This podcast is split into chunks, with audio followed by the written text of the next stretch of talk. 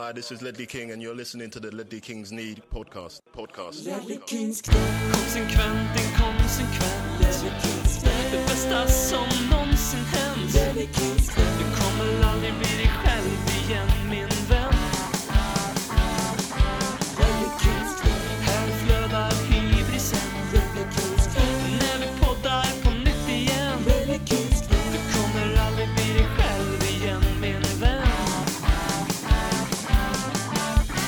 Varmt välkommen till den liljevita radioteatern om champagnefotbollens brittiska aristokrater. Du lyssnar på Lelle Kings knä. Som du vet så släpper vi eh, nya avsnitt varje vecka, varje tisdag. Veckans avsnitt är precis som Aladdin och Paradisaskarna indelade i två lager. Det första lagret ska vi titta lite grann på nu och det är Eh, tillsammans med mig och en eh, poddkollega. Det andra lagret kommer lite senare in i podden och då har vi bjudit in eh, två stycken människor som håller på Liverpool. Två stycken mellanchefer, två stycken sektmedlemmar, två stycken varhatare, två stycken klopprunkare. Och då ska vi ju såklart eh, snacka upp det som faktiskt då blir en match om första platsen i Premier League. Eh, både Tottenham och Liverpool ligger just nu på 25 poäng. Eh, innan dess så måste vi säga att Musikhjälpen 2020 nu är igång. Vi har ju varit igång ett tag. Eh, Tottenham Sverige har ju skramlat med sin bössa här sedan eh, slutet på november och eh, hostat upp sig där 15 000 kronor. Otroligt bra jobbat. Men vi kan mer. Eh, och en av sakerna som blir relevant eh, med den här podden är ju också att vi tävlar ju mot andra supportrar i vårt avlånga land med vilka som är generösast. När ni skänker en slant Oavsett hur stor eller liten, se till att eh, skriva ett roligt litet meddelande också, för det blir kul om man scrollar igenom alla kommentarerna, för man får ju den möjligheten. Man behöver inte uppge sitt namn, man kan ge ett fingerat namn, det är väldigt många som har gjort det, och ett litet meddelande. Robin heter jag, och med mig den här veckan så har jag en av Lelle Kings knäs fyra grundare. Bokmalen som identifierar sig som irländare ibland, Robbie Keens avkomma i Sveriges 17 största stad, BM, hej! Tackar, tackar. Vilken, alltså dina välkomsttal är ju alltid magiska. Dricker du kaffe så här dags? Ja, det är en jättedålig idé. Det är för att ska hålla dig vaken så här sent på kvällen. Ja, jag är ju alltså 21.30 så går jag och lägger mig ungefär. Och klockan, är jag, alltså, och det är, det är ju liksom för att jag är helt jävla slut då. klockan är 20.04. 20.05 slår den över till här för er som verkligen vill vara där, där man, när och där magin sker i, eh, in, i mitt individuella tycke Sveriges bästa Tottenham radioteater. Men det är ju bara Tycker du det? jag som individuell med, med, med, som Det är ändå det. sticka ut hakan lite, tycker jag. Eh, ja, jag kan ju säga om Apex Triplex hade gjort eh, och Simon Finne om de hade slagit sina kloka huvuden ihop och kört sina Twitterkonton bara fast i radioteaterform då hade vi ju inte stått en suck. Nej. Verkligen inte. Men än så länge gillar jag våra chanser precis som jag gör i Musikhjälpen där vi faktiskt är på 15,5 och vi leder ganska överlägset och eh, de vi ska prata med senare i programmet kommer ju inte ta det särskilt bra ifall vi skulle slå dem och därför är det mitt, alltså min enda önskan här inför julen att vi faktiskt ska vinna i år. Mm. Om ni någon gång har drömt om att eh, krossa en sekt, så kan ni ju faktiskt göra det. Eh, vi hoppas ju att Tottenham ska göra det här eh, på onsdag. Vi hoppas ju att Tottenham ska göra det här Premier League-säsongen. Men du kan alltså påverka eh, eller du kan alltså vara med och krossa Liverpool-sekten i Musikhjälpen. Du, eh, antivaxxers, personer som eh, inte tänker ta vaccin eh, när eh, det rullas ut här, coronavaccinet. Eh, vem tror du är antivaxxer i Spurs-truppen? Alltså, varför går alltid mitt huvud till Serge Arier när vi ställer sådana här frågor? Det är, det är, så, det är så jävla tydligt, det är så uppenbar finns- vuxenmobbing så att det liksom... ja, det finns tre eh, spelare som ofta så här, ah, när vi får såna här knäppa roliga frågor, så är det tre spelare som ofta vi svarar med. Den ena är Serge Aurier, det är när det är något knäppt, något knasigt. Sen är det Lucas Moura när det är något kontroversiellt, så vi kanske kommer svara det nu. Och den, den tredje är när det är något tråkigt, så är det Ben Davis. Det är så jävla, vi, är så jävla, vi är så jävla förutsägbara. Eh, vad ska man säga? Alltså, alltså det här med anti-vaxxers och huruvida man ska vara... eh, Om det är en kontroversiell grej för överhuvudtaget. Eh, människor har ju rätt att tycka vad de vill va? Mm. Och människor har rätt att ta sprutor de inte vill ta. Och sprutor, eller ja, sprutor de vill ta eller att inte ta sprutor de inte vill ta. Jag personligen använder alltid min plattform så socialt ansvarsfullt jag kan och säger ta sprutan för helvete.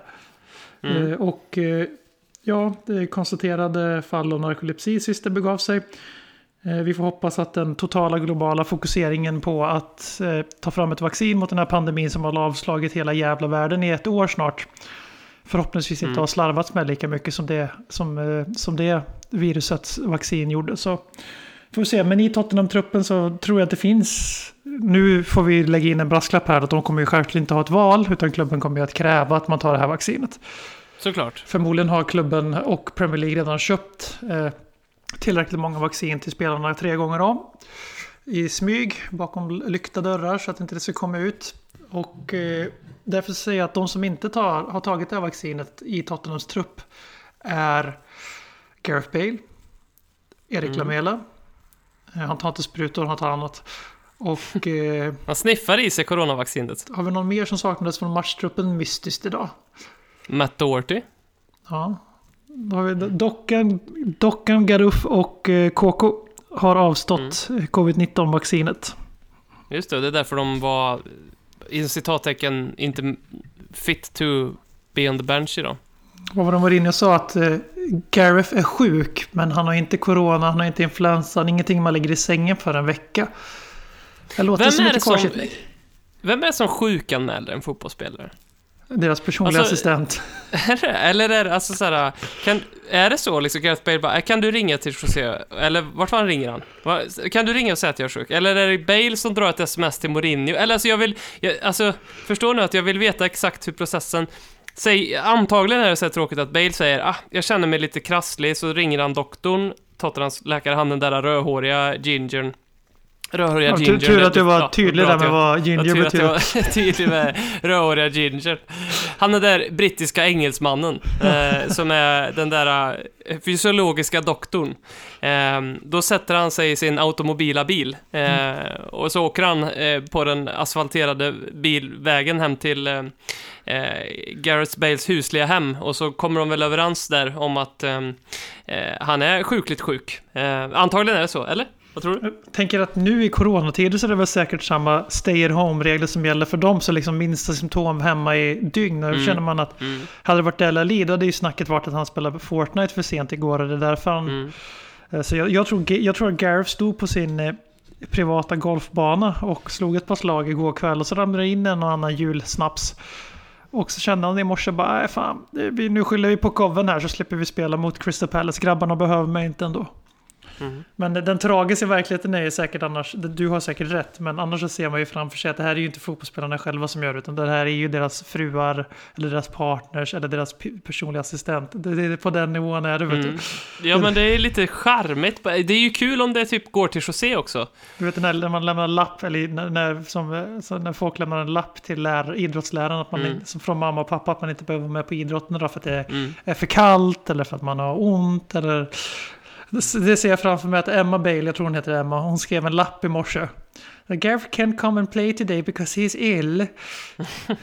Så skicka, skicka till den fysiologiska läkaren i hans automatiserade bil. Uh, ja, men uh, vi har ju... Vi städade ju veckan undan uh, nedflyttningskandidaten Arsenal här med 2-0. Och eh, idag så kryssade vi då mot den här 102-åriga Roy Hodgsons cheerleaderlag. Eh, jag har svårt att avgöra om vi var dåliga eller inte, eftersom att det är liksom så här vi spelar. Eh, Martin Åslund tweetade det är sjukt sett till chanser att Tottenham leder. Det var ju när Tottenham ledde. Det här skrev ju han förresten väldigt kort in på det, att eh, Schlupp eh, gjorde 1-1. Minst tre lägen som Palace borde ha gjort mål på sen Guaitas tavla på det. Jag undrar, Säverbén, varför vann vi inte den här matchen egentligen? Uh, ett, för att Crystal Palace var det bästa motståndet vi har ställts på på en månad. Alltså hur matchen såg ut i alla fall. Uh, sen kvalitetsmässigt är det ju förmodligen bara Arsenal de är bättre. Uh, sen två för att vi efter att... Alltså Åslund har ju en agenda mot Mourinho. Det är så här, jag måste ha rätt grejen det var en annan sportjournalist som försökte samla in billiga poäng med riktigt lam spaning under matchen. Att vad ska alla Pochettino-kramare ta vägen ifall Mourinho vinner ligan? Eh, så ja, det, Thomas Wilbacher. Mm, det är de här... Eh, Han är ju för övrigt eh, bäst på sociala medier enligt Guldskölden. Ja, det, man, man upphör ju aldrig att förvånas. Vad var det han tweetade? Han sa väl någonting i stil med att kommer Tottenham-supportrarna ens bli glada om Mourinho vinner ligan på grund av bla bla bla. Mm. Var på ganska många Tottenham-supportrar nappade på det här betet. Det här är kanske vad fan är bäst, för det var många som reagerade. Mm. Däribland vi. Mm. Ja. Eller jag. Du. ja. Uh, och som att det, alltså, det skulle finnas någon Tottenham-supporter på riktigt. Som alltså om de hade en pistol mot sitt barns huvud. Eller mot sitt eget, om det är det viktigaste man har i livet. I mitt fall om det skulle vara mot en av mina katters huvud. Inte just nu den här katten som är i bakgrunden och gör massa ljud. Utan den andra. Och uh, sa så här, tar du ligaguld med Mourinho eller tar du tillbaks Porch? Då skulle jag ta ligaguld med Mourinho. Ja, herregud ja. Eh, men eh, jag försöker samla in den. Alltså det, uff, låg ribba, ungefär som Åslunds drev här nu med att, att eh, vi spelar så jävla tråkigt. Och därför så är det helt sjukt att vi lyckas ta poäng. Alltså man kan ju också tänka sig i den här matchen att vi har ju Guaita, vad heter han, såp, han, handsk, han med tvålehandskarna. Vicente. Eh, han eh, gör ju alltså fyra räddningar i den här matchen som det är helt sinnessjukt att eh, vi inte har fyra i expected goals för det är hundraprocentiga målchanser. Okej, okay, kanske tre för frispark i frispark liksom. Eh, och i normal utdelningsfall, det var ju våran expected goals som fall ner till liksom normen idag. Det visste man att det skulle ske eftersom vi har två världsklassavslutare som ger, gör mer mål än vad en normal Premier League-spelare gör.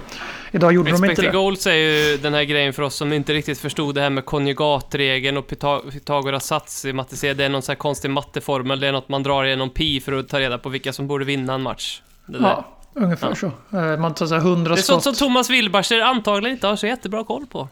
Precis. Åslund däremot.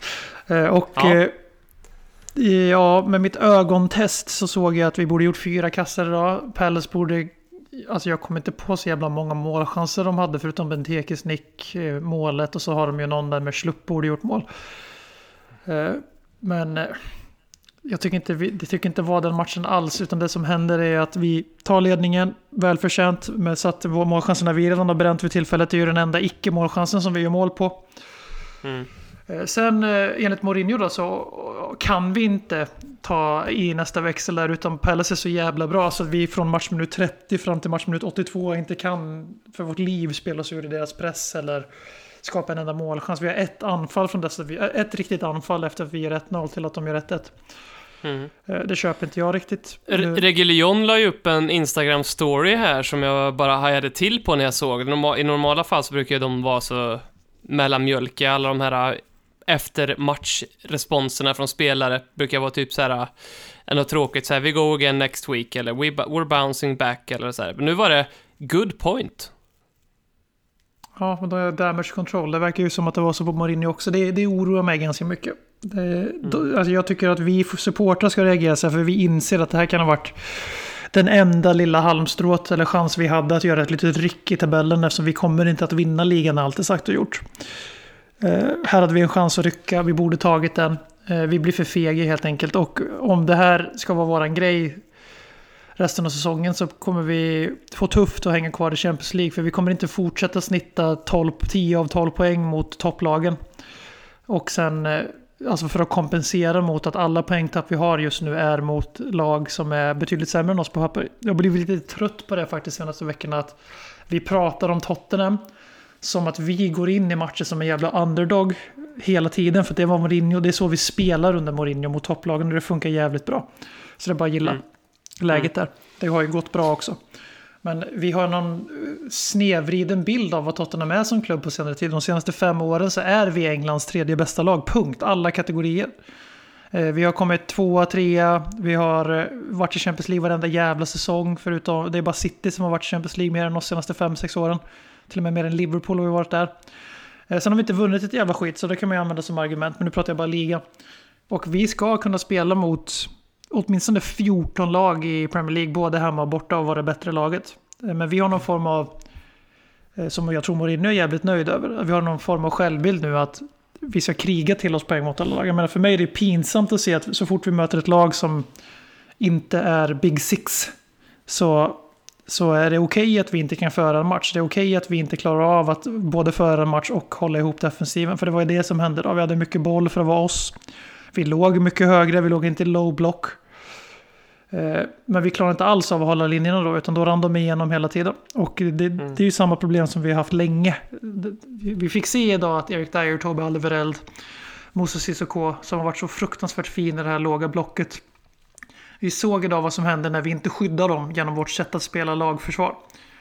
Eh, och det var en nyttig påminnelse om att vi har vägar att gå, men vi, det förhindrar inte det faktum att vi måste. Vi måste ha en högre lägstanivå när det är vi som ska föra matcher.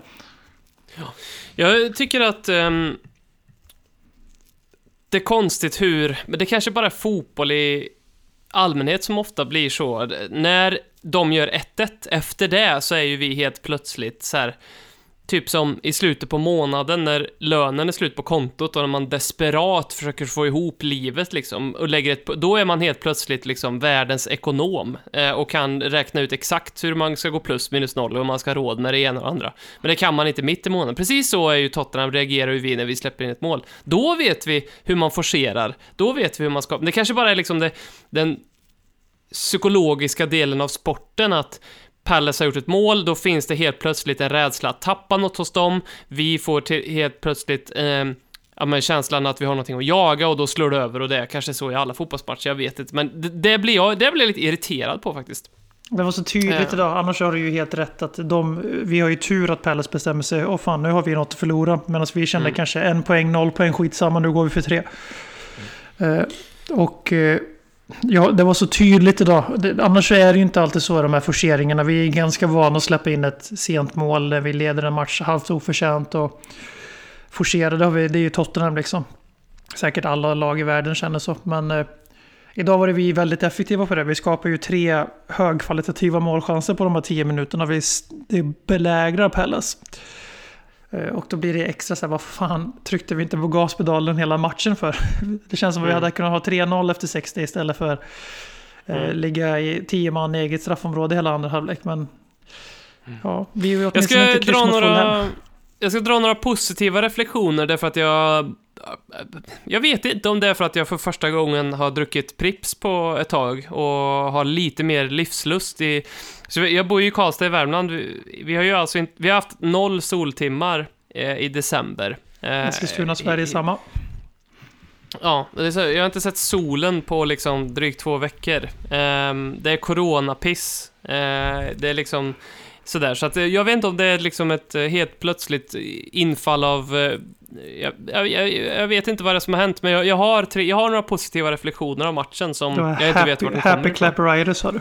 Ja, ja, något sånt där. Jag har smittats med någonting av Pripsen. Men eh, den ena är en positiv reflektion av den här matchen, det är att eh, jag, vi, vi, vi, vi kryssar och känslan är ändå så här, vi kan jävligt mycket bättre. Eh, och det är positivt på det sättet att i för inte så länge sedan så kryssade vi och så kändes det nästan som att oj, hur länge ska vi kryssa och förlora matcher med uddamål och vara så här dåliga? Det här känns det ändå som att ah, det här kan vi faktiskt rycka upp oss ifrån. Så på det sättet lite grann ett, också nästa reflektion, ett, kanske kan det här vara ett ganska bra wake-up call faktiskt, att för, för truppen och Mourinho, att okej, okay, vi kan inte hålla på och backa oss igenom matcher mot andra lag än City, Chelsea, Liverpool, det är de enda tre, det är de enda tre, de du sa ja, först. De, de vi kan liksom backa oss igenom en match med, men mot sådana här lag måste vi spela på ett annat sätt. Hoppas att det kan vara en wake-up call. Jag vet inte hur de tänker, men jag hoppas det. Sen är Deli Ali. Fan! Jag mådde riktigt bra av att se han på läktaren glad och att han fick komma in och då började jag tänka lite grann att cyniken i mig tänker så här, aha, det här är ju liksom eh, som eh, shopping fönstershoppingen i jultider, man ställer ut allt i fönstret för att visa vad man har i butiken. Eh, och att det är samma sak som händer med Dele Alli, att så här, Livi säger till Mourinho att du, nu ska han spela här för nu ska vi dra upp prislappen lite också. Jag vet inte om det funkar så i fotboll, men man tänker ju så som supporter ibland. Men det kan också vara att han eh, faktiskt kommer att få en chans till, för det vill jag verkligen. Ja, det första människan gör är alltså att eh, Ben Davis och Dele Alli kommer in tillsammans. Ben Davis tjurrusar bort sig som en jävla vindhund första han gör. Palace kommer in tre mot tvåa tror jag det. Och mm. Dele Alli gör en perfekt stötbrytning och blir kontring åt andra hållet. På, mm. Inte direkt där man hade kanske föreställt sig när Ben Davis och Dele Alli kommer in på plan tillsammans. Att Ben Davis ska göra bort sig offensivt och eh, Dele Alli ska städa upp i defensiven. Det var fint. Tyvärr Inte heller där man förväntar sig att eh, Ben Davis är den av dem som är närmast att göra mål också. Han drog ju fan i ribban. Ja, med sina patenterade skottinlägg. Mm. Nej, eh, så jag vet inte, jag vet inte vad det är för fel på mig att jag är positiv, men eh, det var jag. Det kan vara för att vi fortfarande leder ligan, att vi har gått vidare i Europa League. Vi borde kunna gå till semifinal i Carabao Cup på mm. uppesittardagen där mot Stoke. Eh, vill ni ha ja. en live då så får ni verkligen skrika om det för våra partners i livet är nog inte astaggade på det. Ja, ja det, det, det kan bli svårt. men, ja, fan, en, live, en 30 minuter live borde vi kunna lösa. Men, men jag, jag har en till positiv sak. Tangen Dombeles Rabona. Ja, det var det. Det var till slut en Rabona. Det, det, visst var det en Rabona? Han drog den på, alltså... Det, det är imponerande med den är att jag, ska inte, jag vill inte på något sätt snacka ner Erik Lamelas Rabona som han gjorde mot Astras Tripolis, tror jag. Säg inte uh, men nu, säg inte men. Och? men nu kan jag inte bygga en mening på det om jag säger och. uh, jag vill inte snacka ner det. Och eh, om jag jämför det med Lamelas eh, i Rabona, så hade ju Lamela lite mer tid på sig. Visst, han gjorde mål med sina boll också. Han hann ju tänka så här, bollen kommer, jag kan fan göra en Rabona här. En Dombele, om man tittar på den situationen när han gör det, så håller ju faktiskt bollen på att bli förlorad. Det skulle kunna bli ett ganska vasst kontringsläge Crystal Palace. Vi har, vi har tryckt fram, vi har ytterbackarna eh, långt uppe och eh, folk i boxen och sådär. Bollen rinner iväg, eh, en Dombele drar en Rabona på, alltså han tar det beslutet på så jävla kort tid. Det tycker jag är lite imponerande faktiskt. Ja, och sen så kan man ju alltid, som nyansera lite, det är ju frustrerande att se att vi fortfarande inte har någon, någon, Man har varit rädd för... Vi har spelat väldigt många stormatcher i rad. Gjort det jävligt bra. Vi hänger med i ligan. Är vi fortfarande med när det blir 2021? Då kommer vi vara med och slåss om ligatiteln. För vi har som sagt fortfarande några tuffa matcher på rad här. Liverpool, Leicester, Wolves. Mm. Eh, vi har haft en helt sinnessjuk eh, spelschema nu. Men och det, man blir så frustrerad då när poängtappen kommer mot lag som vi borde slå. Men samtidigt får man ju komma ihåg att vi har tagit treor mot lag som vi inte inom citationstecken Nej, borde, borde slå. Mm. Så det går nog jämnt ut ungefär. Men här känner man bara att fan, det här kunde varit, det här kunde, den här och eh, Newcastle och West Ham, det är, det är ju nio poäng som blir tre. Och vi borde nog mm. fan med haft åtminstone sju kan man tycka. Mm. Men men, vi leder ligan top of the League och Tango Ndombele gör eh, nästan lika bra Rabona som Erik Lamela. Fin, fin tid att leva. Fin tid att leva, fint summerat. Ska vi gå över till det här segmentet nu när vi bjuder in de här två Liverpool-supportrarna då? Varför inte? Då sätter vi oss med Daniel Forsell och Robin Bylund från LFC-podden. Tycker du att Jörgen Klopp är den skönaste snubben som finns? Tycker du att stämningen i första och sista matchminuten på Anfield är det häftigaste du varit med om? Och kan du hela refrängen till You'll never walk alone? Då borde du göra som Sveriges alla mellanchefer också. Bli Liverpool-supporter du också. Ja, men eh, då sätter vi väl siktet mot eh, den match som eh, väntar på onsdag istället. Toppmatchen mellan Liverpool och Tottenham. Eller om man ska vara väldigt korrekt, om vi tittar i alla fall på tabellen, omvänd ordning. Tottenham 1, Liverpool 2 och att då ha herrarna från Ledley Kings knä med sig här för att få synen på detta känns ju väldigt speciellt. En söndagkväll när båda våra lag inte varit särskilt starka men eh, det är ändå eh, de här två lagen som går in som ett och två i Premier League när eh, det ska smällas och spelas på Anfield på onsdag.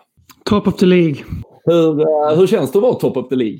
Ja, vart man börjar, det är ju det är en dröm, livslång förväntan. Nej, jag ska vara seriös. Det känns som att just nu är de som leder Premier League just nu, det här passar ju Tottenham och självbilden vi har. är den minst välförtjänta ligaledaren någonsin är känslan jag har. Jag har inget lag som imponerar jättemycket på mig i Premier League hittills förutom Southampton möjligtvis. Och Arsenal på grund av deras uselhet. Så det, det känns väldigt passande att det, när Tottenham ligger rätta i ligan då är det verkligen en sån säsong där det är inget lag som är särskilt imponerande. Mm. Som, alltså, mm. som Tottenham-supporter så har man ju inte varit i den här positionen särskilt mycket om man inte är född eh, för väldigt länge sedan. Eh, men jag som är född 89 är ju inte van det här. Så att när du säger så, hur känns det? Nu kan inte jag prata för alla Tottenham-supportrar, men jag tror ändå ganska många som känner ungefär som jag känner det. Och det är...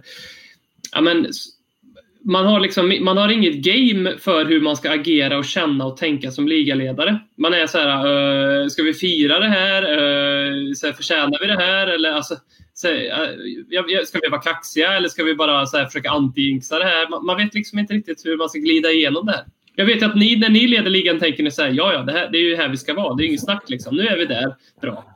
Vi, vi, vi, vi har nog ibland en tendens att i alla fall eh, kanske eh, fasadklä oss eh, på det sättet kanske. Jag vet inte om alla innerst inne känner, känner det om vi ska vara helt ärliga. Men ni är, ni är ju inte, ni är inte jättesena på att i alla fall utåt sett liksom hylla era spelare och absolut era insatser och sådär. Men är det rädsla för att det, det här liksom det, här kanske är chansen. Den, den kommer inte jätteofta. Ni hade ju en Champions League-final där det inte gick vägen. Uh, nu har ni ju en Premier League-säsong som med tanke på också hur jävla fucked up den här säsongen är, är en superchans för egentligen alla lag. Alltså det är ju mycket öppnare än på länge. Uh, är det lite nervositet redan liksom att uh, ni, ni är där uppe och fan, låt oss hålla oss där uppe? Jag skulle kunna ljuga och säga nej, att jag är kolugn i det hela. Men med tanke på mitt fullständiga psykbryt jag fick när eh, Guaita, eller Guaiti eller vad man uttalar det, räddade Erik Dyers frispark där på 92 tidigare idag. Så det är svårt att snacka bort eh, att det är precis så det känns. Att, fan, idag fick vi inslaget i julpaket till och med på Lucia-dagen att nu kan ni rycka några poäng här i den här helt sjuka tabellen där alla lag genom 5-6 poäng känns det som. Men icke, utan första matchen på en månad där vi möter ett så kallat sämre lag så är Tottenham högst, högst mediokra. Så det, det är ständig skräck skulle jag beskriva det. Mm. Alltså, det är inte på något... Jag hade samma psykbryt där, BM, när, när han släppte in det första målet, eller det enda målet som Tottenham gör. Så eh, vi fick varsitt psykbryt på grund av målvakten där i alla fall. Härligt. Man, eh, alltså att vi leder ligan, eh, alltså jag tycker, nu vill inte jag på något sätt eh, försöka spela överdrivet mycket på det här, på att vara cynisk och negativ här, men alltså vi, vi leder ju inte ligan, lite som BM var inne på, eh, för att vi är förtjänta att göra det riktigt, utan det beror ju på att ni också kryssar mot Fulham. Det beror ju på att ni förlorar mot Villa. Det beror ju på att Chelsea har varit Chelsea. Eh, det beror ju på att City har varit jätteineffektiva och lelösa. Liksom. Så på det sättet så känns det ju så här, tycker jag, att vi, att vi är där vi är. Är det så här, wow, oj, oj, vad fan, vi flög upp hit. Det känns inte riktigt så som det skulle kunna göra ifall, ifall vi var riktigt mycket bättre än resten. Förstår du vad jag menar? Mm. Ja, men som jag antar att ni kände när ni ledde ligan med all rätt förra säsongen, när ni verkligen mm. var bäst. Så men, men, men, vi är inte riktigt bäst. så. Och därför har jag också svårt att ryckas med i eh, besvikelsen mot ett kryss mot Pallas. För det är så här, ja, alltså, det är så här vi, har, det är, så här vi är. Liksom. Alltså, och så mm. råkar vi leda ligan på det. Det, det är lite konstig känsla. så. Ja, men det, och, det, och det är ju egentligen det du är inne på. Jag, jag tror jag tittar på Liverpools, eh, alltså jämför vi med förra säsongen. Vi tappar väl 15 poäng på hela säsongen. Jag tror vi har tappat 11 nu på vad är det, 12 matcher eller något. Och mm. vid det här läget förra säsongen så hade vi väl tappat två poäng. Vi hade ett kryss mot United. Liksom. Uh, så det är såklart också förutsättningarna för liksom, årets ligasäsong som gör här. Och som du nämnde tidigare att Southampton är en serie alltså, även om de har gjort en bra säsongstart och allting så ett normalår om vi i alla fall tittar de senaste 4-5 åren så har ju ett City eller ett Liverpool redan varit 7-8 poäng före oavsett där. Och det gäller ju även om man jämför med, med Tottenhams eh, siffror så att säga. Men eh, vi kommer väl prata skadekris och allt möjligt skit eh, kring, kring vårt lag sen. Eh, ni har ju ändå hittat en eh, jävligt eh, fin grundtrygghet och en stabilitet, men det är ju fortfarande Kane och sån som i slutändan är poängavgörande konstant. Uh, är man bara superglad och uh, flyger fram och hyllar de två eller känner man ändå att det är ett, uh, en viss problematik kring hur superviktiga de är? Alltså, alla lag ska ju vara beroende av några Jag tycker det är liksom karaktäristiskt för ett topplag att man är kanske lite extra beroende av några spelare. Um, men det är ju lite som du säger, skulle Kane få sin skada som han antagligen kommer få snart, eller när Son får sin formsvacka som man kanske nu börjar eh, krypa in i, som man alltid får varje säsong. Um, vad händer då? Är det någon som steppar upp? Det är ju svårt att se några andra spelare som skulle göra det. Det kan ju, det kan ju absolut vara så. Um, jag, jag tycker, min känsla lite grann är att vi har gått ganska mycket på max. Även om vi, jag nyss sa att vi varit dåliga, men vi har liksom vi, vi, anfallsmässigt har vi fått ut precis allt vi har, vi har kunnat få. Liksom. Mm. Eh, jag skulle nog säga att vi är mer beroende av Pierre Höj, Emil Höjbjer. Um, jag orkar egentligen inte ge, ge han mediautrymme. Så här. Han har fått alldeles för mycket redan. Men visst. Du, du pissade ju på honom när vi gjorde den värvningen tycker jag var lite kul. Nu ser, nu ser det ganska dåligt ut. Ja. Vi letar, vi letar inte i gömmorna efter Nej, men det är, pro, det är problematiskt att vi är... Så här, jag som inte kan så jättemycket om liksom, taktik i, i fotboll så där, tycker jag ändå det, hur inte lag kan stävja sig mer mot... Så här, ja, passa upp bollen på Kane och sen slår han den på Son. Hur, hur svårt det ska vara egentligen att försvara sig mot i längden, det, det har jag svårt att liksom, se. Eh, så på det sättet är vi också lite sårbara där. Inte vad du tycker, Ben?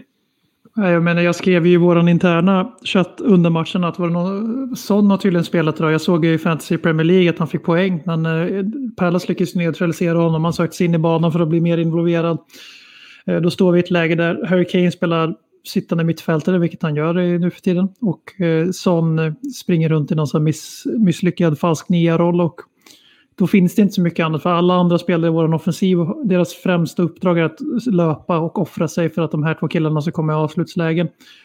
Eh, så att det är, vi är ju en skada bort från, alltså titelracet är inte diskussionen då, utan då är det fjärde platsen som, som är racet. Och eh, vi mm. behöver helt enkelt som klubb eller som lag, vi måste ha någon form av plan som involverar att vinna även utan att de två gör poäng. Så enkelt är det, bara annars är det inte hållbart.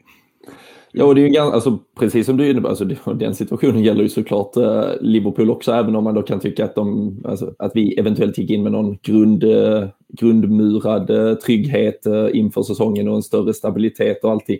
Men eh, som du sa, alltså, på samma sätt som att ni eh, absolut imponerande leder ligan så är det ju liksom, vi har ett City som vi vet ska igång och göra ett par tabellplaceringar uppåt.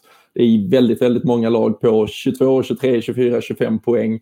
Så det är ju fortfarande med, med alltså, all, all fog att vara ganska rädd för att det, alltså bara ett litet fall skulle ju kunna innebära att man är femma, sexa helt plötsligt också.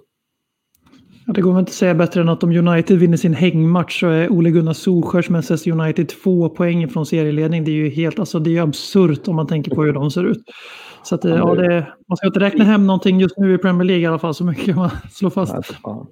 Fint att han löste krysset ändå, dels för, för alla som ser att City är en lite större konkurrent, men också för att han får vara kvar på jobbet i alla fall, nu när han fortsätter rädda sig. Uh, Danne, vad, vad, tycker du om eh, Tottenhams uh, säsongsinledning? Hur, uh, hur rädd är du för dem, uh, sett till 38 matcher? Nej, men vi har haft ganska mycket diskussioner om det. Vi, I och med att vi såklart går in som favoriter själva så blir det ju mycket prat om vilka som kan utmana. Och jag kan ju direkt säga att Tottenham var ju inget eh, namn som varken du eller jag nämnde tror jag i det här första avsnittet när vi ändå snackade inför säsongen. Men ju längre det har gått och eh, med egentligen samma infallsvinklar som eh, de två andra gentlemännen här så, så är det ju så att alla har ju på något sätt underpresterat. Och då eh, är det väl lite talande att Tottenham leder ligan helt plötsligt. Lite som eh, ni var inne på innan också. Att eh, man leder en sån liga som ingen annan liksom tar tag i taktpinnen för. Vi hade ju världens chans idag till exempel. Och, ja, det, känns väl i eh, vårt läger överlag som att man inte riktigt tror att eh, Tottenham är den här riktiga titelutmanaren på sett över hela säsongen. Men det är ju sett till att Kane och Son är så extremt avgörande. För är de friska hela säsongen, vilket de egentligen inte rimligtvis borde vara om man ser till hur det är i alla andra lag och, och framförallt för oss då kanske, så eh, så känner jag väl att det hade varit ett extremt problem om någon av dem eh, försvann en stund. För eh, då vet jag inte heller vem som skulle kunna steppa upp. Och där känner man väl att nu är det så pass jämnt alla de här topplag emellan plus då West Ham, Southampton och de här som har blandats in också. Då. Så, eh, som du var inne på Robin, så kan man ju på två dåliga matcher liksom ligga sjua istället. Och därför tycker jag väl inte att det riktigt har satt sig än, även om vi är liksom en tredjedel in på säsongen i stort sett snart. Men eh, nej, det, det känns väl inte som att man är livrädd för dem just nu, eller vad känner du själv? Nej, nej, nej, absolut. Jag är livrädd inför onsdag. Absolut. Ja, det kan man däremot vara. Det är man väl alltid. Men uh, jag tänkte lite på det där med avlastning i offensiven på, på Kane och Son. Uh, det, det är kanske du och jag, Danne, som för en gångs skull borde tacka vår kära vän uh, Jocke Lundberg för att uh, han plockade in uh, Bale först av alla i fantasyn och började, började gå på det spåret. sen dess har han väl, det har bara varit att mygga av hela hans fotbollskarriär i stort sett sen, eh, sen dess. Men vad, fan, vad tycker, eh, vad känner Tottenham-fansen? Hur går snacket kring Bale och den icke-inverkan han än så länge har haft? Ja, vi, vi hade väl ungefär tio minuter i vårt eh, egna surr här i avsnittet tidigare där vi i stort sett gjorde narr av hur Gareth Bale hade sjukanmält sig till dagens match. Så det är väl det mest bestående intrycket han har gjort hittills. Han har tre Premier League-framträdanden, ett mål, varit högst medioker i Europa League. Drog en riktigt fin frispark i ribban sist tror jag det var. Som det blev 1-0 på returen. Och det, that's about it. Ja. Jag hatar egentligen vara den personen som säger vad var det jag sa, men vad var det jag sa? Ja, alltså han känns... Um, det känns som att Bale, det känns mer och mer som Tottenham, Bale till Tottenham 2020 är en eh, PR-grej för Gareth Bale och Tottenham, än, mer än mm. någonting annat. För han känns inte intresserad av att spela eh, som han gjorde för några år sedan i Tottenham. Alltså, jag tror att han har tröttat på fotboll överlag. Liksom. Mm. Och sen så visst, när han kommer in Eh, fan var det mot Antwerpen här i Europa League eller sånt där, eller han spelar ju från start där, så han blixtrar till ibland. Man kan se liksom att det finns kvalitet. Och då inser man ju att okej, okay, men anledningen till att han inte presterar är väl för att han antingen inte riktigt är matchfit eller orkar, eller bara liksom inte har lusten till det längre. Eh, och då är det väl lite så tacksamt att bara tänka att ah, okej okay då, PR-mässigt om det var det så kanske rädda vår ekonomi lite grann och trycka och sälja lite nya Bale-tröjor sätter oss i spotlight. Det kostar ju ingenting att ha Bale i truppen mer eller mindre. Eh, absolut hans lön, men i transfersummor så att han kan ju inte, han kan ju inte riktigt vara en flopp på det sättet ekonomiskt så. Ett missöde. Nej ingen PP än så länge. Nej, exakt. Men man måste ju ändå säga att PP har eh, tagit för sig mer än Gareth Bale den här säsongen. Det får vi ändå säga. Ja, det är väl eh, Saliba som ska upp där på tronen snart också bland de eh, stora eh, värvningarna till Londonklubbarna kanske. Hans karriär var väl över redan i januari nu hade väl någon konstaterat i alla fall. Men äh, ja, Höjbjerg vill ni ju så gärna äh, höja upp och det ska ni väl absolut få göra. Men framförallt defensiven generellt har ju blivit äh, tyvärr för, för vår del och vi andra som tittar på er. Mourinho bra och Mourinho tråkig. Och äh, krävs egentligen eh, individuella misstag numera för att det ska liksom eh, läcka igenom någonting där. Men grundtryggheten är ju otrolig. Um, hur ser ni på det, det nya uh, Tottenham? Så. det man njuter, alltså man är så bekväm i det här. Jag har hejat på Spurs i 15-18 år blir det snart, eh, om mitt unga liv. Vi har aldrig varit bra defensivt. Eh, förut, vi var bra defensivt under Pochettino, men då var det mest för att vi hade bollen hela tiden. Eh, nu är vi bra defensivt, men jag är fortfarande i den här fasen att varje gång motståndarna har bollen i mer än 20 sekunder så sitter jag och väntar på att det ska smälla. Eh, idag mot Pelle så var det ju verkligen så på riktigt för då försökte vi vara lite mer progressiva. Eh, och det skulle väl vara väldigt typiskt nu då för vår del att om den här ramstarka defensiven som har varit direkt imponerande mot Arsenal, Chelsea och framförallt Manchester City. Så på onsdag här nu när ni fick träna mot Fulham. För det kommer se ut ungefär likadant som det gjorde mot Fulham. Fast eh, ni kommer ha Kane och Son som kommer på kontring istället för vad nu Fulham rullade ut för lik där på topp.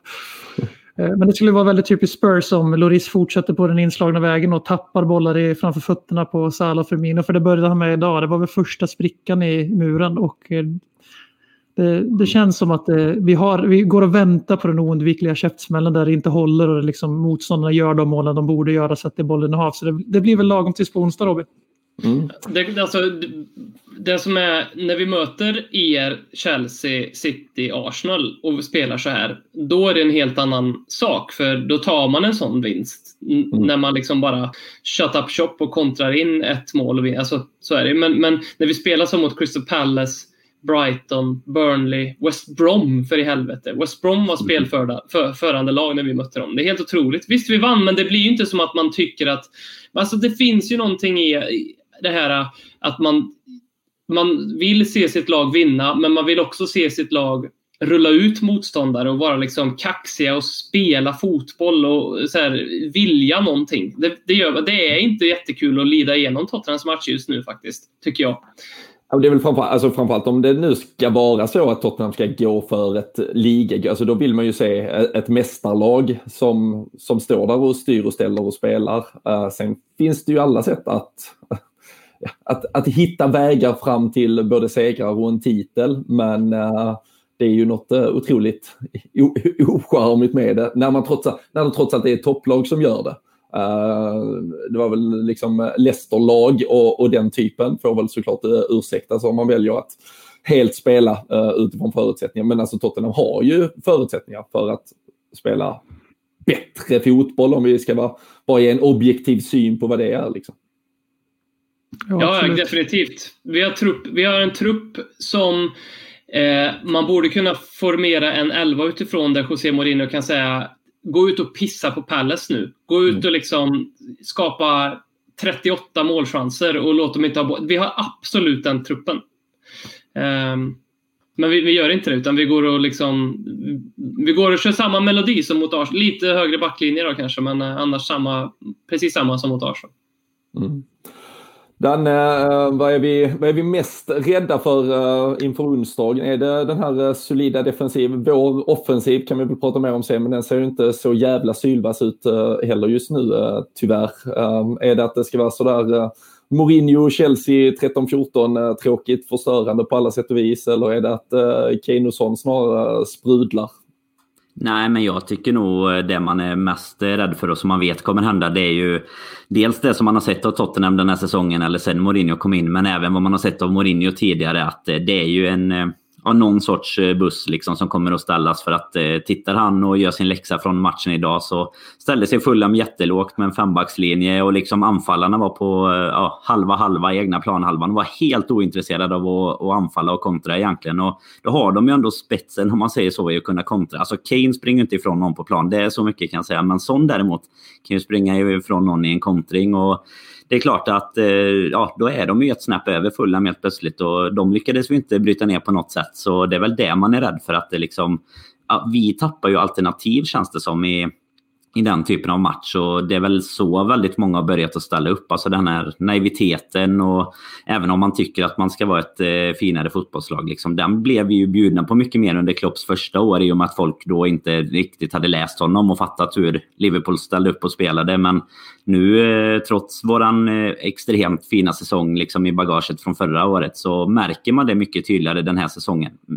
Givetvis med tanke på vad vad, vilka spelare vi saknar och sånt också. Men eh, det är klart att man får spela efter de förutsättningarna man har. Och eh, det tycker jag väl inte, precis som ni är inne på, att eh, Mourinho gör egentligen. Alltså det är svårt att sitta och kritisera någon som leder eh, ligan så. Men Tottenham har förutsättningar att spela roligare fotboll. Men de ska inte börja med det för sin egen skull i alla fall på onsdag. Det tror jag inte. Utan då, de har bäst chans om de eh, försöker att liksom tråka ut oss och stå lågt och, och gå på kontringar.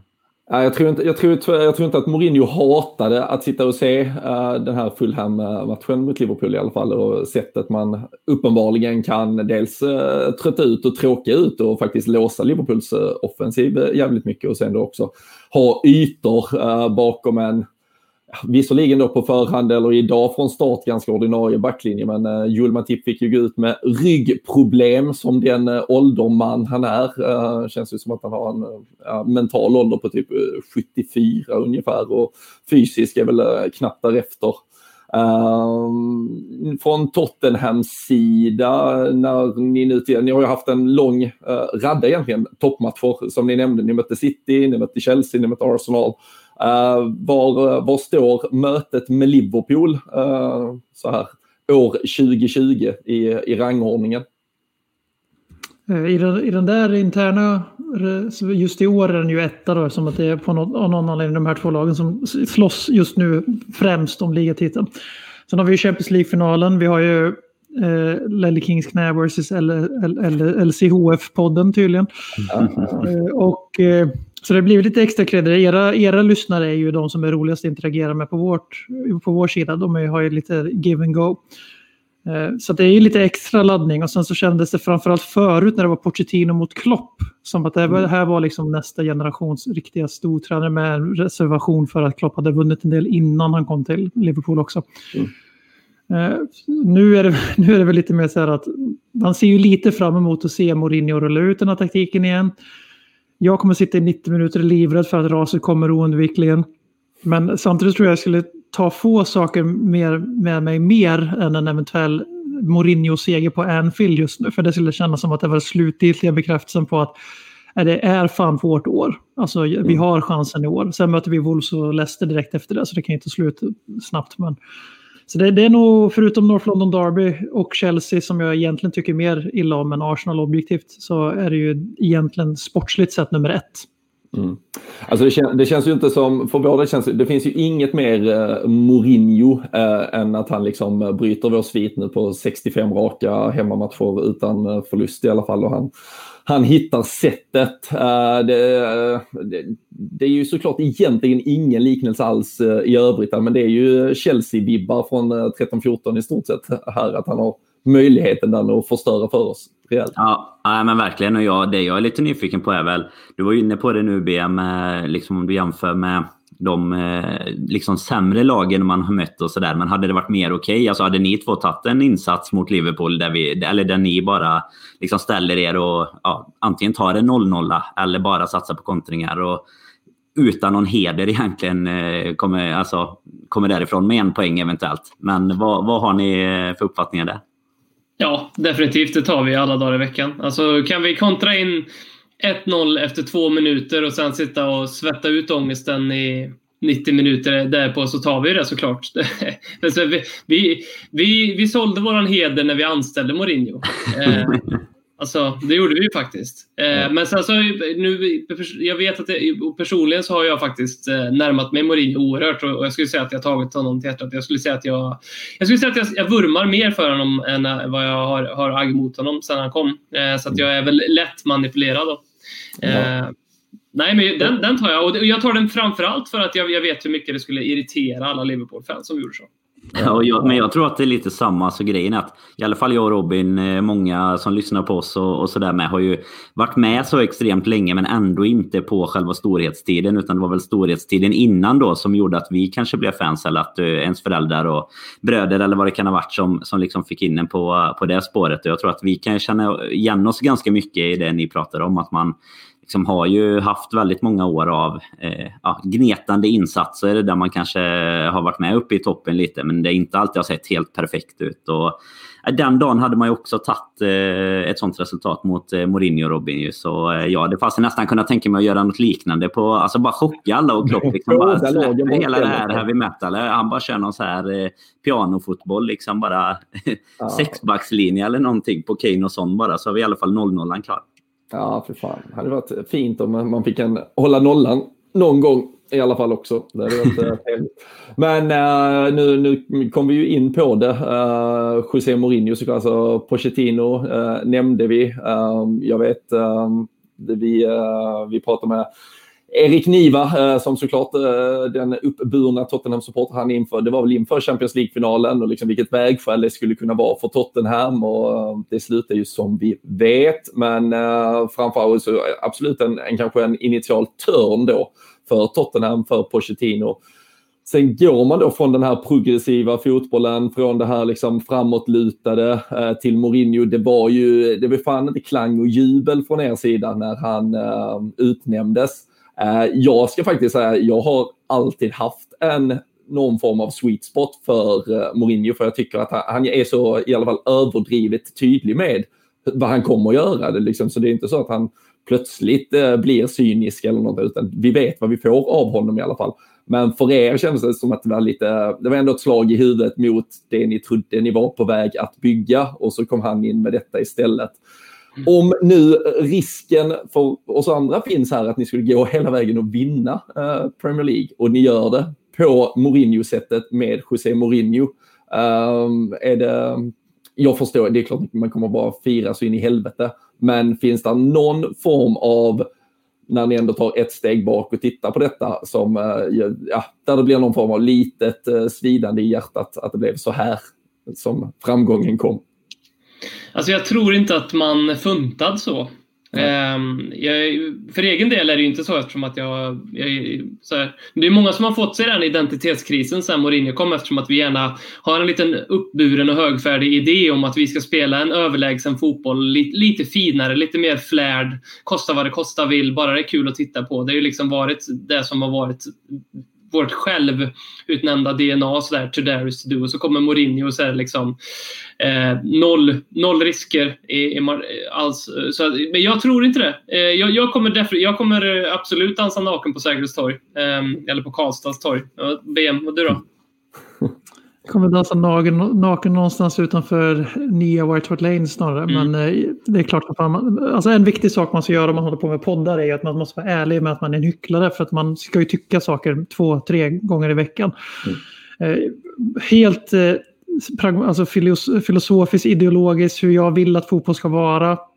Nej, jag skulle helst inte se Mourinho lyckas med Tottenham för det skulle bevisa någonting om fotbollen som jag inte vill ska bevisas. Men när jag sen får chansen att välja, du får en ligatitel, du får fyra det, du får berätta för dina framtida barn om att Tottenham har vunnit ligan när det fanns, det fanns färg-tv för det till att börja med. Du kan spela Fifa 22 med Tottenham som, som mästare med guldbadge på tröjan. Liksom. Eh, det är klart som fan jag tar det varje dag i veckan och sen så kan jag vänta tills Mourinho brinner till det slut om sådär ett och ett halvt år sedan. Och då jävlar kommer kniven fram. Och som jag väntar redan. Men om det kostar ett ligaguld då är jag värd att vänta. Eller jag är beredd att vänta. Nej, nej, men absolut. Men jag, får, jag, jag förstår det. Det är väl inte så. Jag tycker, så, alltså jag tycker bara man kan vara lite um, öppen med det. Alltså, för det var ju så otroligt många som var negativa till utnämningen och till sättet liksom Pochettino fick gå och allting. Uh, sen, sen ibland så vänds uh, bara den där kappan väldigt snabbt utan uh, reflektion kring det. Uh, men jag tycker väl man kanske kan vara ganska öppen med att uh, det var inte riktigt vad man önskade. Men självklart så tar man resultaten som kommer. Alltså det gör väl alla vi fotbolls uh, tittare och uh, supportrar helt enkelt. Men uh, det var väl en liten uh, bild från uh, Tottenhamland, uh, tänker mm. jag i mm. alla fall. Ingenting är som vanligt. Världen är sig inte lik. Då, då tycker jag det är extra uppiggande med de här sakerna som påminner oss om att det här bara är en fas. Konstanterna.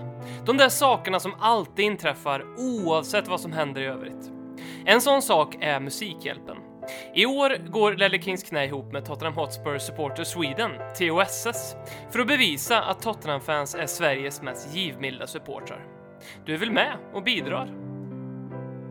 Precis. Norr, norrut i landet, söderut i tabellen och söderut i landet. Danne, du har ju göteborgsk dialekt så att du bor väl också söder om Karlstad antar jag? Ja, men det är helt rätt. Borås är det, så det är väl nästan en ja. hyllning till eh, att det är en Göteborgsdialekt. Det skulle vår poddkollega Fredrik Eidefors eh, blivit riktigt arg om han varit med här och suttit eh, bredvid också. Ja, just det, för det är lite för mycket slätta. Ja, det, det är ju en liten blandning åt det hållet, ja precis. Det stämmer mm. bra. Mm. Jag tänkte börja med en liten quiz till er. Mm. Liverpool har ju mött Fulham här, det slutade ju 1-1. Eh, och då, eh, då, då, är quizet, det det, det är ganska stor chans att man svarar rätt för det är liksom 50-50 fråga det här. Eh, mm. Men i Jörgen Klopps postmatch interview sa han då A. Att laget borde presterat bättre och vunnit matchen. Eller B. Skylla på domarna. Uh, kan inte tänka mig att han skulle skylla på domarna i alla fall. Det har han aldrig gjort, kommer aldrig att göra. Så det måste ju såklart vara alternativ. Du säger A. Vad säger du då? då? eh, nej, men jag får också vidhålla A där. Alltså, det, känns, eh, det känns bara ologiskt. Mm. har han alltid hållit på så här? Uh, nej, det har han väl absolut inte. Uh, eller jo, han har fan alltid alltså, mm. Han har ju varit rätt så grinig av sig uh, när det inte är medflyt på allting. Alltså, han har ju, även när han inte har vunnit saker så har han ju i alla fall under, med, är det typ tio år nu varit så jävla uppburen i alla fall. Alltså, om vi pratar progressiva tränare liksom, så, så även när det inte blev titlar så var det ju framgångar ofta på något sätt och väldigt upphaussat. Eh, så när han får eh, motgångar och knäppar på näsan, då har han väl alltid blivit rätt så eh, upprörd och bitter. Sen finns det ju såklart en man kan ju raljera över det och vara så jättefinurliga och roliga som ni försökte vara nu. Sen kan man ju också konstatera att det har ju varit något unikt med, alltså kanske hela säsongen i sig, men också tittar man objektivt på det, så Liverpools involvering i VAR-beslut fram och tillbaka och även eh, högst tvivelaktigt. Och idag så är det ju en, en match där det är, alltså det, det är inte så att eh, han behöver vara besviken att domaren dömde bort oss. För jag tycker alltså straffsituationer vi får, har, förstår jag fortfarande knappt hur det kan bli straff. Sen att de, men att de tittar på den som Fabinho orsakar i liksom 20 minuter känns det som. Och så, blir, alltså, så det, Alltså jag förstår ju också att han lägger över det snacket där och där har ju ni en tränare idag som var mästaren på det eh, för ett par eh, år sedan i alla fall. Att eh, lägga fokus på rätt saker för att skydda sina spelare och deras insatser ibland. Men uh, jag kan väl förstå honom till viss del den här säsongen men han har också gjort ett par kanske egna insatser som gör att han skjuter sig själv i foten kring vissa saker han klagar på. Men vad jag kommer ihåg från de senaste åren egentligen så är det ändå så att Klopp har varit sån här varje gång det är motgångar. Precis som du är inne på Robin. Alltså, grejen är ju att nu har man ju vant sig vid att förra säsongen var så extremt bra så att det var, alltså då har inte motståndarfans och andra behövt tänka så mycket på att han kanske är lite sådär eh, förbannad och lite dålig förlorare bara för att det behövdes inte då liksom. Och det var ändå den säsongen som det blev så mycket fokus på allt det här med när, när det blev liksom när, när pandemin bröt ut och, och ligan eh, liksom stoppades upp och sånt. Och därifrån så var det ju ändå ganska solklart så. Så att eh, går man tillbaka i alla fall två, tre säsonger så eh, kan man nog hitta en del trevliga intervjuer ändå där han inte har varit helt eh, jättelycklig. Så eh, nej, det är nog eh, alltså, så mycket känns det som också tycker han nu som går emot honom som kanske egentligen går lika mycket mot alla andra. Men det här med skadorna och jag förstår ju att du är ute och menar det Robin också, att han är ute och vevar liksom för, för fem byten och, och sånt här. Men sen så spelar han ändå liksom Diogo Jota som går sönder nu och blir borta två månader liksom. Och eh, i en match, helt betydelselös match i Champions League. Så att eh, ja, det... Ja, det, han gör väl oftast det mest rätt tycker vi, men det är även solen har sina fläckar om man ska vara, vara fin i språket. Ja, men det, är ju, vi, det, det, finns ett narrativ, jag ska bara säga att vi inte liksom, eh, jag har i alla fall inte hoppat på det om att Klopp är en psykopat. Eh, det, det, det narrativet har ni säkert sett. Absolut. Så när vi skulle prata om det här för några poddar sedan Eh, med Klopps förmåga att tillskriva laget fina kvaliteter när man vinner och skylla det på något annat när man förlorar eller kryssar eller så. Eller tappar poäng. Eh, så, så sökte jag runt lite på det här om det, om det, om det finns någon så här, eh, psykopatdrag i det. Tvärtom så är det faktiskt så här att, och det, och det här var liksom en forskningsartikel som jag hittade Eh, där det faktiskt visar sig att lyckliga människor beter sig på det här viset. Tillskriver fina eh, eh, saker till sig själv när det går bra och när det inte går bra då hittar man... Det är faktiskt ett, ett recept på lycka. Så för, vi får säga grattis Jörgen Klopp och alla Liverpools-fans. Det är ju otroligt störigt eh, så här, från lite molnfri höjd då, som vi är nu. Då. Men mm. för, för, som en outsider eh, att, att, att, titta på det. Men, men för Klopp och Liverpool kanske faktiskt är en bra sak. Men eh, du var inne på... Han känns ju rätt lycklig ändå, det måste man ju ge honom. Alltså när det väl går bra om man säger så. Då, eh, han, han visar ju gärna att han är lycklig eh, på, sitter med några bira på bussen och sådär. Det är liksom inga problem. Så att eh, det, det, är väl enkelt att tycka om honom, lika enkelt som det är att hata honom som ni liksom har med Mourinho nu med alla som har ju haft Mourinho förutom kanske när, när ni fick honom nu bara på grund av att det var just Pochettino som lämnade så eh, har ju nästan alla tyckt att det har varit perfekt att ha honom men alla andra har hatat honom och vi hamnar väl lite i samma fack nu tack vare de framgångarna man har haft senaste säsongerna såklart. Och jag tror också att man är, alltså, utan att ha granskat den här eh, peer reviewat att eh, din vetenskapliga artikel så, så är det ganska uppenbart, alltså så länge du eh, hittar en yttre fiende kring alla motgångar så behöver du aldrig ta något eget ansvar för det. Och även om det kan såklart framstår som eh, smått eh, psykopatiskt, absolut, så, så är det ju jätteskönt egentligen att gå till jobbet imorgon bitti och känna att nej, vi kunde inte ha gjort något, det var alla andras fel, så nu kan vi bara blicka framåt för eh, vi, vi får lö väl lösa det nästa gång istället. Men eh, Låter lite som när jag själv spelar paddel också. men, men, alltså, har man inga skrupler så är det bara att köra på det här. Alltså, då kan jag bara säga grattis. Har man inget samvete så ja, kör. Alltså, oh. Men eh, du var inne på det här med skadeläget, Anne. Kan ni redogöra lite grann för vart ni står och vad... Eh, jag blev lite förbannad där på Jota att han... Eh, jag hade ju plockat han i fantasyn. Um, inte för att det hade gjort jättestor skillnad i mitt pisslag, men uh, kan ni uh, redogöra lite för ert skadeläge och vart är vi egentligen där och hur ser det ut för er?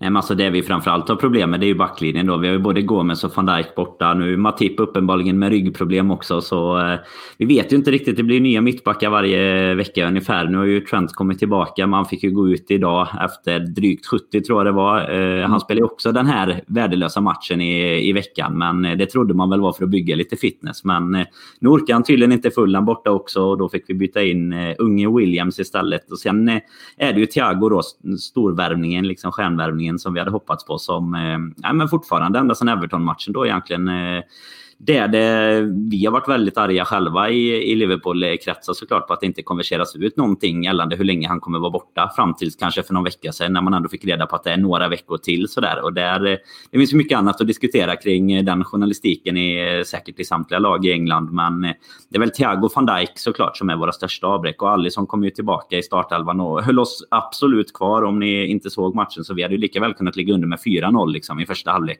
Mot eh, Fulham med sju poäng eller någonting inför. Så eh, nej, han kom tillbaka i alla fall och eh, nej, det var skönt inför onsdagen. Så. Mm. Vad... Jag in där Robin för att ställa nästa kränkande fråga. Eh, är inte det här, känns det inte på något sätt, måste det väl kännas bra att eh, Liverpool som är enligt mig det laget i toppen som har haft överlägset mest eh, faktiskt motgångar den här säsongen om man tänker med skadefrånvaro. Ni har ju fått de här skadorna som man satt och väntade på i två år. Att hur fan klarar sig Liverpool undan alla skador? Eh, när våra nyckelspelare gick ner en efter en efter en förrän man fattade att Liverpool hade kommit ikapp och sprungit förbi Spurs runt 2019 årsskiftet där.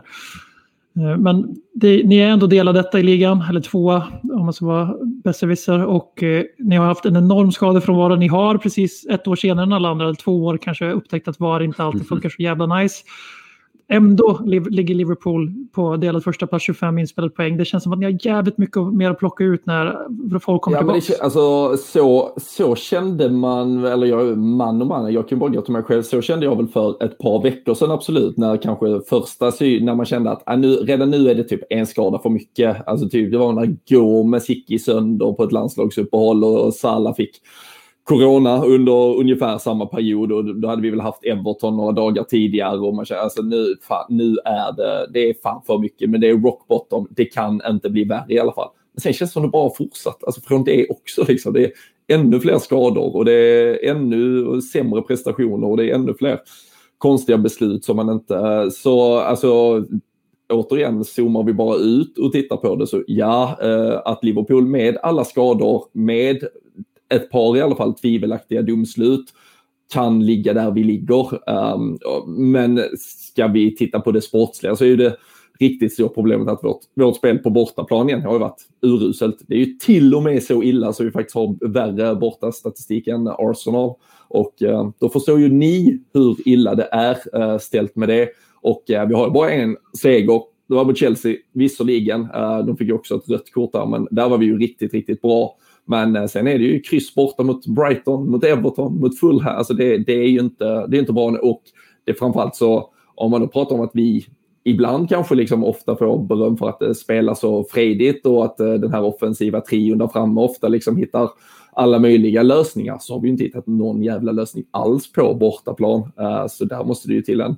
Det har inte med en skada hit eller dit för idag startar vi egentligen ett, det här hade mycket väl, alltså utan en enda skada hade det här nästan kunnat vara ett lag. Vi, vi startar en match och vi kommer ändå ut och blir överkörda av Fulham i stort sett första, hela första halvlek, i alla fall första 30-35. Så äh, där, där är något äh, i spelet som måste till för att det, det kommer inte bara vara att poängen trillar in för att vi plötsligt får tillbaka några fler från skada och eh, att VAR skulle ge oss en offside mer eller mindre framåt.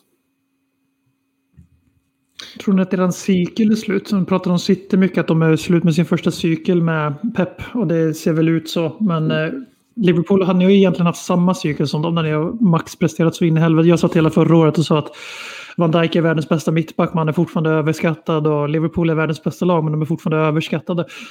Eh, är det det som är problemet nu? Jag tycker ändå ni värvade ju smart i somras för att inte gå i den här fällan som Pochettino Spurs gjorde där vi inte förstärkte när vi borde. Utan ni tog ändå in Jota och eh, Thiago som kändes otroligt väl scoutat. Mm. Men eh, Nej, är, det, jag... är det det som är problemet? Jag har inte oroat mig särskilt mycket i alla fall för att det liksom skulle vara, vara slutet på storhetstiden på något sätt. Utan eh, alltså skadorna främst. Det var väl vurmades ganska mycket i Liverpool-läger också efter värvningar och sådär. Och jag tror att det som folk eh, i så fall gällande det här med cykel har varit mest oroliga för, det är ju egentligen våran fronttrio som liksom haft helt eh, otrolig statistik i, i flera år på rad och även alltså, bra statistik även innan vi började eh, lyfta titlarna också. Och det är väl där folk börjar känna kanske, alltså nu tittar man på skytteligan nu så ligger ju Salah med uppe i toppen ändå. Nu är en del straffar och sånt såklart, men att de spelmässigt inte riktigt klarar av att prestera på samma nivå. Nu har ju Mané istället hamnat i en liten ja, dipp gällande målen här i alla fall. De pratar ju om att det var var längsta tiden i Liverpool. Han har gått nu eh, i ligan i alla fall då, utan att göra mål. Så det, det lobbar ju också upp bra inför onsdag här egentligen för att, att bryta lite sådana bitar. Men inte så orolig för att det liksom skulle vara slutet på, på Klopp-eran så sett. Liksom. Utan där, där tycker jag att det känns eh, som det finns eh, rätt mycket kvar att hämta faktiskt. Mm. Ja, men det, det kan ju bara hålla med uh, om det. Um, det, det.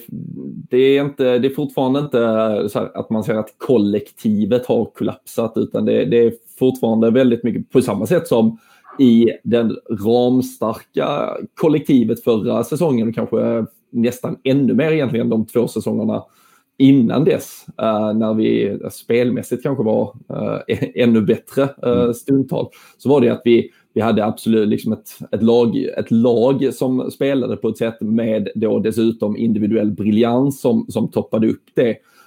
Um, jag känner väl fortfarande att den individuella briljansen kan, kan finnas, men där är ju där är absolut någonting i uh, ja, där är, där är någonting i bygget just nu som, som kärvar lite, men, uh, men det är absolut inget som det finns så mycket kvalitet kvar på, på alla spelarna uh, ändå tycker jag för att man ska inte behöva oroa sig än uh, över någonting.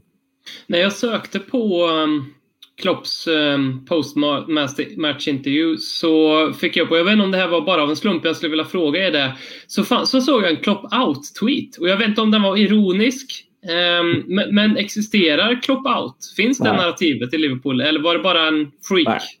Nej, det var någon United-supporter eller något som du lyckades trilla dit. Nej, men det tror jag inte någon som är liksom, eh, ja, seriös om man säger så. Nej, men sen är det väl ganska, jag, skrev själv någon kort summerande tweet efter matchen, liksom att uh, i, kanske i en, i en ganska lång tid nu där Klopp på, på 100 beslut känns som han har tagit 99 korrekta och, och ett fel i stort sett, så så är det väl, har det väl blivit, eh, alltså för första gången på länge har det blivit en diskussion kring hans, eh, alltså även då internt från Liverpool-håll, hur han då valde att matchcoacha i onsdags i den här helt betydelselösa matchen.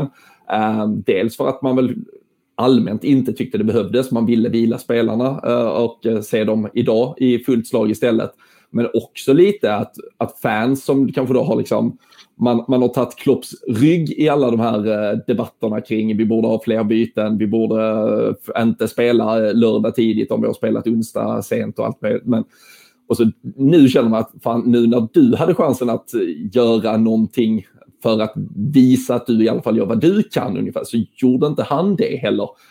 Och då blev det absolut en irritation från, från folk och när det då dessutom mynnar ut i två tappade poäng i en match som egentligen är en öppen dörr och framförallt när alla andra eh, den här helgen hade tappat poäng. Så, så det är ju första, det var ganska skönt att vi gick och satte oss eh, här direkt efter matchen och, och, skulle prata allmänt istället. För jag tror att eh, det, det, är ju inte, det är inte ofta Twitter är vackert, men, eh, men just en sån här kväll så, så blir det alldeles för, för överdrivet. Men, och det är ju för första gången på jävligt länge ur ett Liverpool-håll att det ens sprids lite negativitet som är riktad internt i klubben.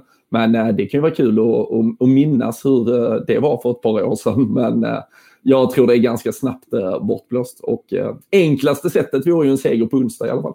Ja, men alla andra de här negativa bitarna som har varit den här säsongen, det har ju bara handlat om VAR egentligen. Och det är nu låter vi för Tottenham-fansen såklart som att man sitter i klopphörnan där och bara skyller på domarna. Men det har ju varit diskussionen efter matchen när man sitter på Twitter och sånt som Robin är inne på. Det har ju varit för att vi har tappat det var egentligen två matcher i liksom sista minuten på grund av lite halvtvivelaktiga offsider eller straffsituationer. Och då, då blir det ju någonstans aldrig... Då blir det lite vi mot dem. Liksom. Det blir inte det här att man går in och kritiserar spelarna istället för att man tycker att vad fan, vi skulle ju vi hade inte behövt släppa in 1-1 mot Brighton. Liksom. Vi hade kunnat leda med 3-0 istället och så hade vi inte haft det problemet. Men då fokuserar man så mycket på det medan man då idag eh, får se sig i, i, själv i spegeln liksom, och inse att det, fan, det var inte bra nog. Och då med allt det i bagaget som eh, Klopp har varit ute och eh, varit där på eh, samtidigt som han då får Jota skadad och Trent som inte pallar att spela. Nej, men då, då, finns det ju något litet, litet såklart. Men att det har gått så långt som till hashtag Klopp out, det, det är jag inte orolig för än i alla fall. Hur tar sig Liverpool an Tottenham på onsdag då?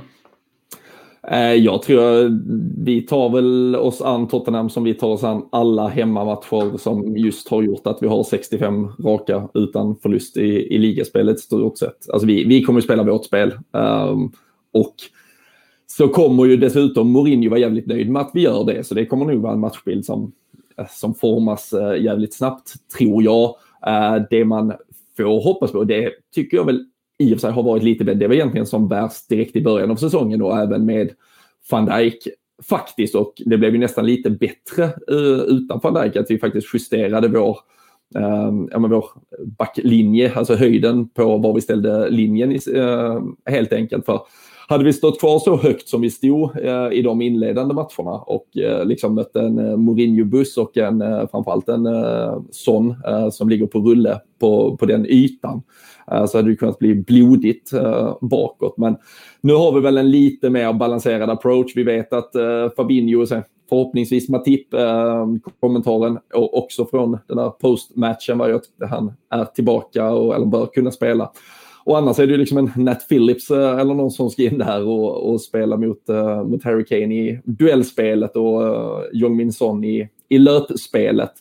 Men jag tror att Liverpool, de, vi är ju alltid, alltså det ser ju alltid framförallt så otroligt mycket bättre ut på Anfield. Alltså det, det finns någonting, uh, jag vet inte fan vad det är, det är precis som att uh, det, det, där hemmaplansför det, det, det är sån otrolig bekvämlighet i sättet vi spelar just på Anfield. Alltså det, du kan fan copy-pasta matcherna oavsett motstånd i stort sett. Det ser fan likadant ut och eh, det, det lär du göra på, på onsdag igen också. Jag hade nästan förträngt den här höga backlinjen Robin faktiskt innan du mm. påminde mig här nu. Det var ju det som var... Ehm, det var väl det lilla eh, skiten Klopp fick ta också gällande då efter att ligan egentligen var vunnen och framförallt i början av den här säsongen så länge van Dijk fick eh, vara kvar egentligen. Att vi, vi var lite naiva kanske, stod lite väl högt och trodde lite för gott om oss själva nästan i, i de lägena. Men det har ju som sagt blivit balanserat nu och nästan då eh, sett bättre ut i många matcher även om vi... Vi var ju bortskämda med nollor förra säsongen eh, sett till om man jämför med vad vi har presterat den här. Men eh, nej, det, jag tror också precis som du är inne på, alltså, vi har egentligen bara ett sätt nästan att, att approacha en sån match på. Det är liksom att, att gå för det och det gör vi egentligen i alla matcher och sen får vi nästan anpassa oss då efter det motståndet vi har och hur Mourinho väljer att göra. Och där eh, hoppas jag ju att eh, Klopp gör sin läxa. Och den, den läxan är ju inte svår att göra. Den boken är ju inte svår att läsa. Liksom. Den är ju på ja, en halvsida eller någonting i väldigt stor eh, font. Så det står ju bara buss eller liksom något sånt. Så nej, det, det full fart framåt det är vad vi behöver egentligen. Får se hur ni försvarar er mot eh, Hurricanes numera patenterade move. Nej, nej, jag menar när han står på motståndarens planhalva med bollen vid fötterna, drämmer till bollen och den tar en konstig bollbana rakt in i mål. Får se hur ni värjer mot det. Ja, ja. Vad, vad, tycker ni om hans, eh, debatten kring hans eh, mordförsök?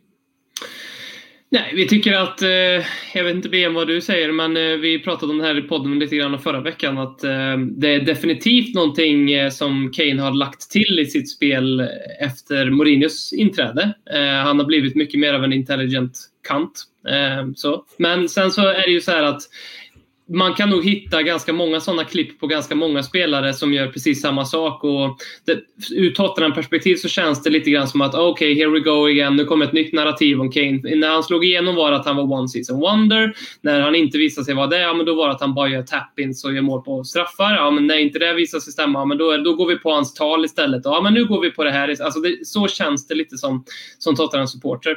Eh, och om man ska vara helt ärlig tycker jag, de här situationerna som det finns en video på, så i ett av fallen så är det absolut kanske så att det borde bli frispark tror jag Arsenal eh, i Gabriel där. I de mm. andra fallen så tycker jag det är helt rätt att det inte blir det och till och med rätt att det döms i, i, för Kane. Så att, eh, så.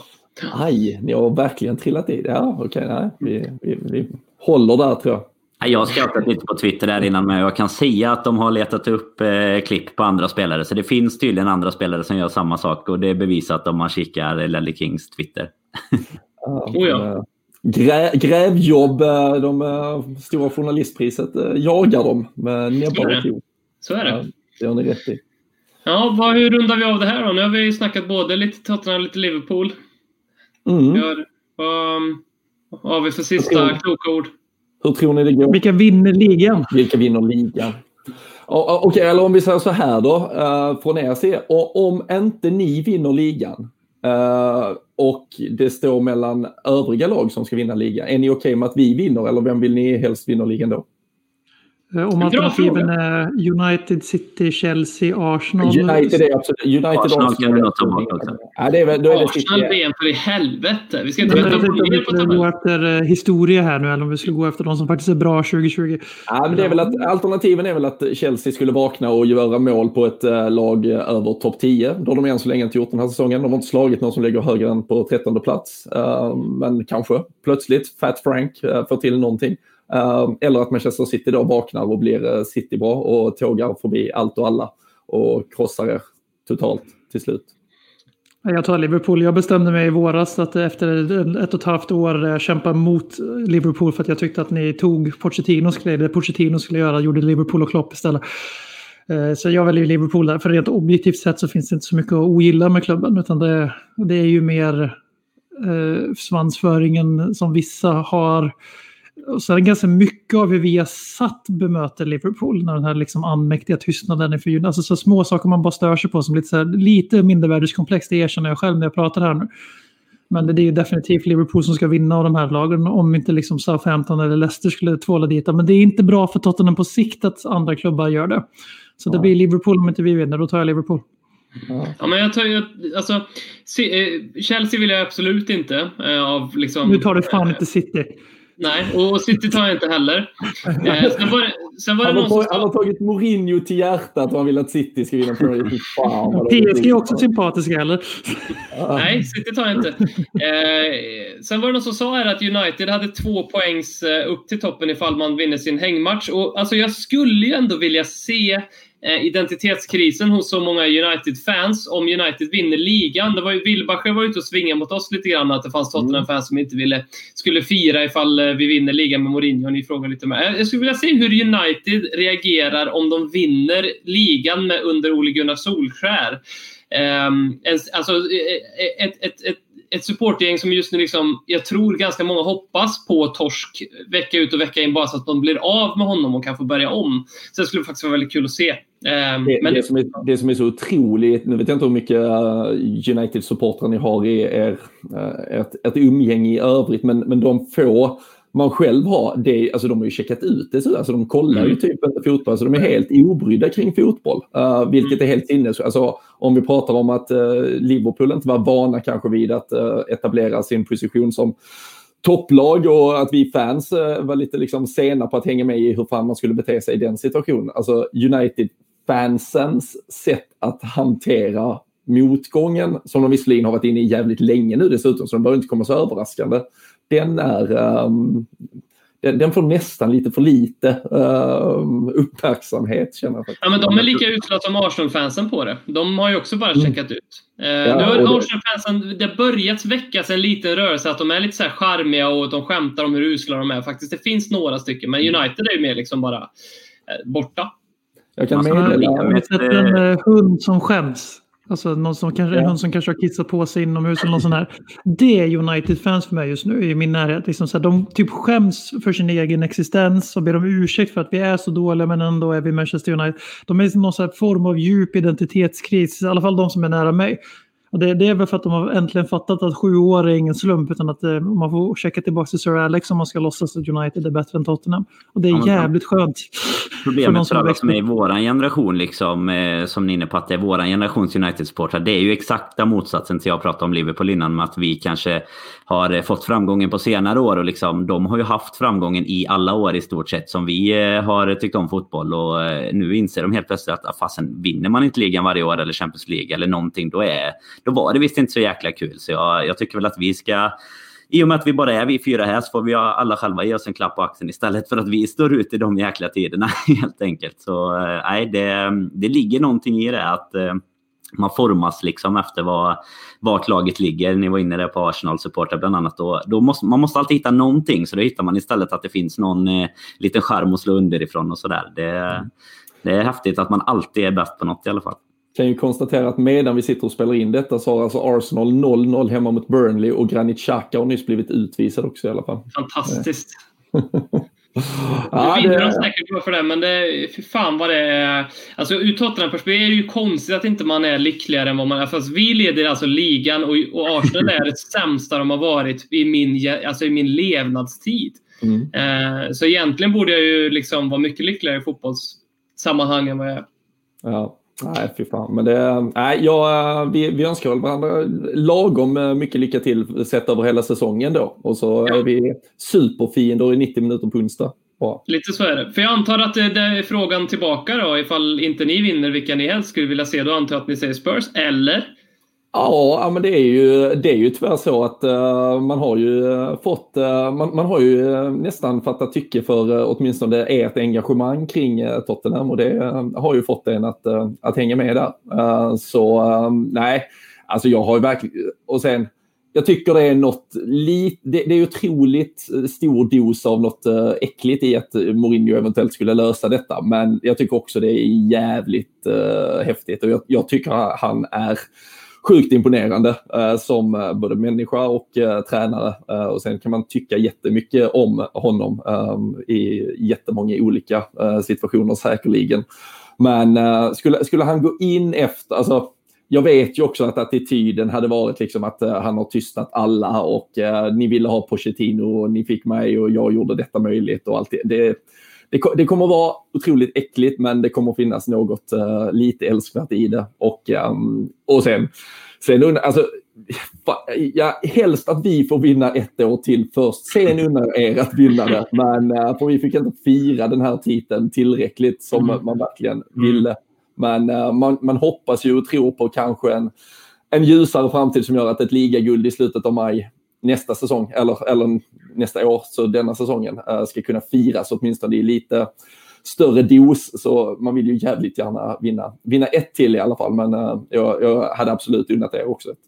Ja, men det svåra med Unna Spurs eh, framgången det är ju att ni inte har haft den på, på så länge. Liksom, eller att ni inte har vunnit. Det hade varit mycket enklare om ni hade vunnit för tio år sedan. Att ni hade fått vinna en gång till. Liksom. Alltså att, det är det som är det lite tunga tycker jag. Att man då liksom ska tillåta ytterligare någon att, att vara med där uppe. Liksom. Det, det, det som, men jag har liksom inget alternativ riktigt heller, för jag vill inte att City ska vinna. Definitivt inte att Ole Gunnar Solskär och hela den, den nej, storyn klarar jag inte. Då checkar jag definitivt ut efter nej, ett året alltså, om det, om det nej, händer. Och Chelsea är sånt jävla mögäng också. Så det, ja, det enda bra med Chelsea och eh, City, om man säger så, det är ju att det inte så här, det, det kommer ju ändå falla över ganska fort för att det är inte direkt någon så som man... Eh, alltså City, det finns ju ingen som man känner som, eh, som håller på. Så alltså, det gör inte så ont personligt utan det är mer att hela citybygget och hela det äckligheten får vinna. Liksom. Det är ju helt fruktansvärt. Men alltså personligen så hade jag ju typ antagligen mått minst dåligt om City hade vunnit ligan. Men eh, utan att säga att jag hade föredragit det så... Ja, men där känner jag fan att eh, jag vet absolut inte om det har med att, att vi nu lyckades vinna att göra. Men jag känner att den, den pendeln har fan vägt över. För ja, det är ju ett vakuum. Alltså vinner Chelsea eller City då är det en axelryckning och så man vet inte ens vad som hände. Det är inte ens någon som hånar en på Twitter. Nej, Nej, och, och, det, och det, det, blir också så jävla ocharmigt att ett lag som är så jävla intetsägande får liksom vinna